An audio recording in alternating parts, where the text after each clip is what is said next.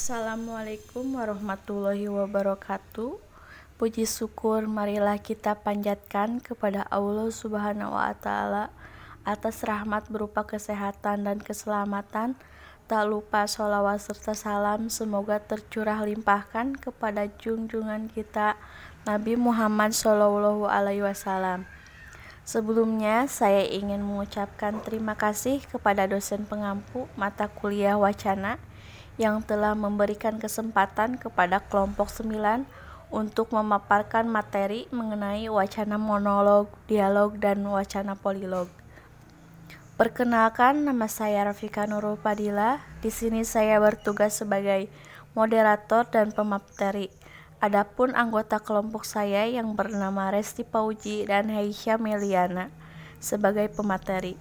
Baik teman-teman, Langsung saja kita mulai penyampaian materi yang pertama yang akan dipaparkan oleh saya sendiri. Di sini saya akan memaparkan tentang pengertian wacana, jenis wacana. Yang pertama ada pengertian wacana. Pengertian wacana. Menurut Henry Guntur Tarigan tahun 1987 halaman 27 Wacana adalah satuan bahasa yang paling lengkap, lebih tinggi dari klausa dan kalimat, mempunyai kohesi dan koherensi yang baik, mempunyai awal serta akhir yang jelas, berkesinambungan dan bisa disampaikan secara lisan dan tulisan. Menurut Sumarlan dan kawan-kawan tahun 2000 9 halaman 15 Wacana adalah satuan bahasa terlengkap yang dinyatakan secara lisan seperti ceramah, pidato, dialog, dan khutbah atau secara tertulis seperti novel, cerpen, surat, buku, dan dokumen tertulis yang dilihat dari struktur lahirnya atau dari segi bentuk bersifat kohesif saling terkait dan dari struktur batinnya dari segi makna bersifat koheren terpadu. Menurut Hasan Alwi dan kawan-kawan tahun 2000 halaman 41, wacana adalah rentetan kalimat yang berhubungan serta terbentuklah makna yang serasi di antara kalimat-kalimat tersebut. Dengan begitu, sebuah rentetan kalimat tidak dapat disebut dengan wacana jika tidak ada keserasian makna, dan sebaliknya, jika rentetan kalimat membentuk sebuah wacana, karena dari rentetan tersebut akan terbentuk makna yang serasi. Yang selanjutnya ada jenis-jenis wacana. Yang pertama ada narasi. Narasi ini merupakan sebuah rangkaian cerita yang didasarkan pada urutan suatu peristiwa atau kejadian. Narasi berbentuk narasi imajinatif seseorang serta narasi ekspositaris. Unsur-unsur dari narasi ialah tokoh, alur, kejadian, konflik, serta latar dan juga waktu, suasana, dan tempat. Yang kedua ada eksposisi. Eksposisi ini ialah sebuah karangan yang menjelaskan dan juga yang menerangkan karangan dengan sangat terperinci yang tujuannya ialah supaya memberikan sebuah informasi atau juga dapat memperluas ilmu serta pengetahuan bagi pembaca. Karangan eksposisi ini digunakan untuk karya ilmiah seperti untuk seminar, simposium, makalah-makalah, artikel ilmiah, atau juga penataran. Yang ketiga, ada argumentasi. Argumentasi ini merupakan karangan yang berisikan pendapat seorang atau ahli, sikap maupun penilaian terhadap sesuatu disertai dengan bukti, alasan, dan pernyataan yang dapat diterima secara logis. Argumentasi ini bertujuan untuk dapat meyakinkan bahwa itu benar atau juga salah. Yang keempat ada deskripsi. Deskripsi ini merupakan karangan yang menggambarkan sesuatu objek dengan berdasarkan hasil dari pengamatan, perasaan, serta pengalaman dari penulis. Paparan selanjutnya akan dipaparkan oleh Resti Pauji. Baik, terima kasih kepada moderator. Selanjutnya, saya akan memaparkan tentang wacana monolog. Wacana monolog adalah wacana yang disampaikan oleh seorang diri tanpa melibatkan orang lain untuk ikut berpartisipasi secara langsung. Umumnya, wacana monolog tidak menghendaki dan tidak menyediakan alokasi waktu terhadap respon pendengar atau pembacanya. Wacana monolog bersifat searah dan termasuk komunikasi tidak interaktif. Wacana monolog terjadi seperti pada orasi ilmiah, khutbah, dan penyampaian visi dan misi. Pada kenyataannya, dalam suatu orasi, ceramah, atau pidato tertentu, penutur secara inovasi kadang-kadang justru mencoba berinteraksi dengan pendengarnya. Cara yang dipakai misalnya seperti melontarkan pertanyaan. Dalam konteks seperti ini, wacana monolog berubah menjadi wacana semi monolog. Selanjutnya ada contoh wacana monolog. Ucapan terima kasih yang disampaikan ini merupakan contoh wacana monolog yang dituturkan oleh seorang siswa SMP berikut ini. Kepada yang terhormat Bapak Kepala SMPN 1 Banjarmasin, kepada yang terhormat Bapak dan Ibu Guru SMPN 1 Banjarmasin, kepada yang terhormat Bapak dan Ibu Wali Murid, kepada yang terhormat rekan-rekan yang saya cintai. Assalamualaikum warahmatullahi wabarakatuh.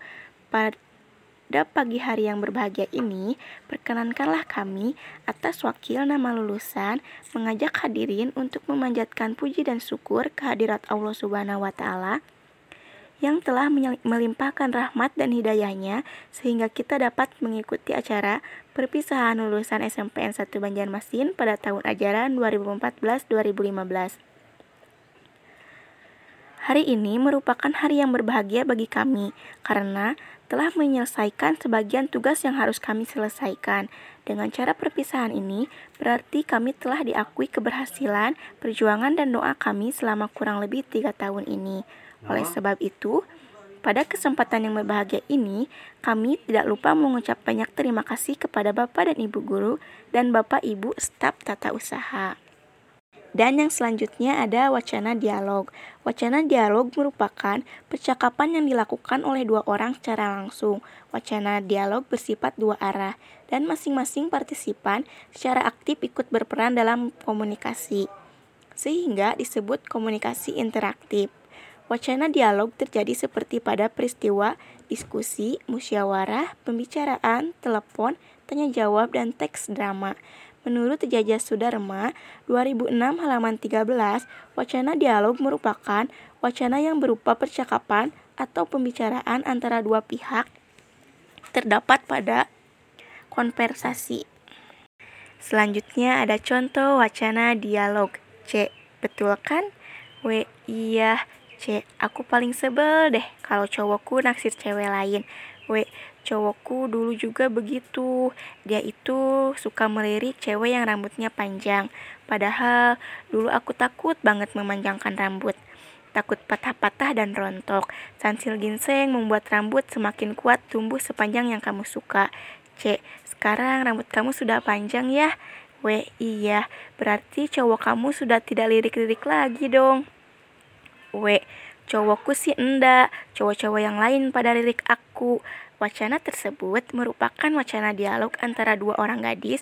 Mereka sedang berdialog mengenai rambut. Setelah menggunakan sansil ginseng, rambut menjadi kuat dan tidak rontok. Terima kasih kepada Resti Pauci dan selanjutnya akan dipaparkan oleh Heisha Meliana. Dipersilahkan. Wacana polilog Wacana polilog merupakan pembicaraan atau percakapan yang melibatkan partisipan pembicaraan lebih dari dua orang penutur. Partisipan yang terlibat dalam pembicaraan semuanya berperan aktif dan langsung dalam komunikasi. Wacana polilog terjadi seperti pada peristiwa musyawarah, diskusi, atau debat dan teks drama. Ditinjau dari segi peran pesertanya, Wacana dialog atau polilog merupakan wacana timbal balik.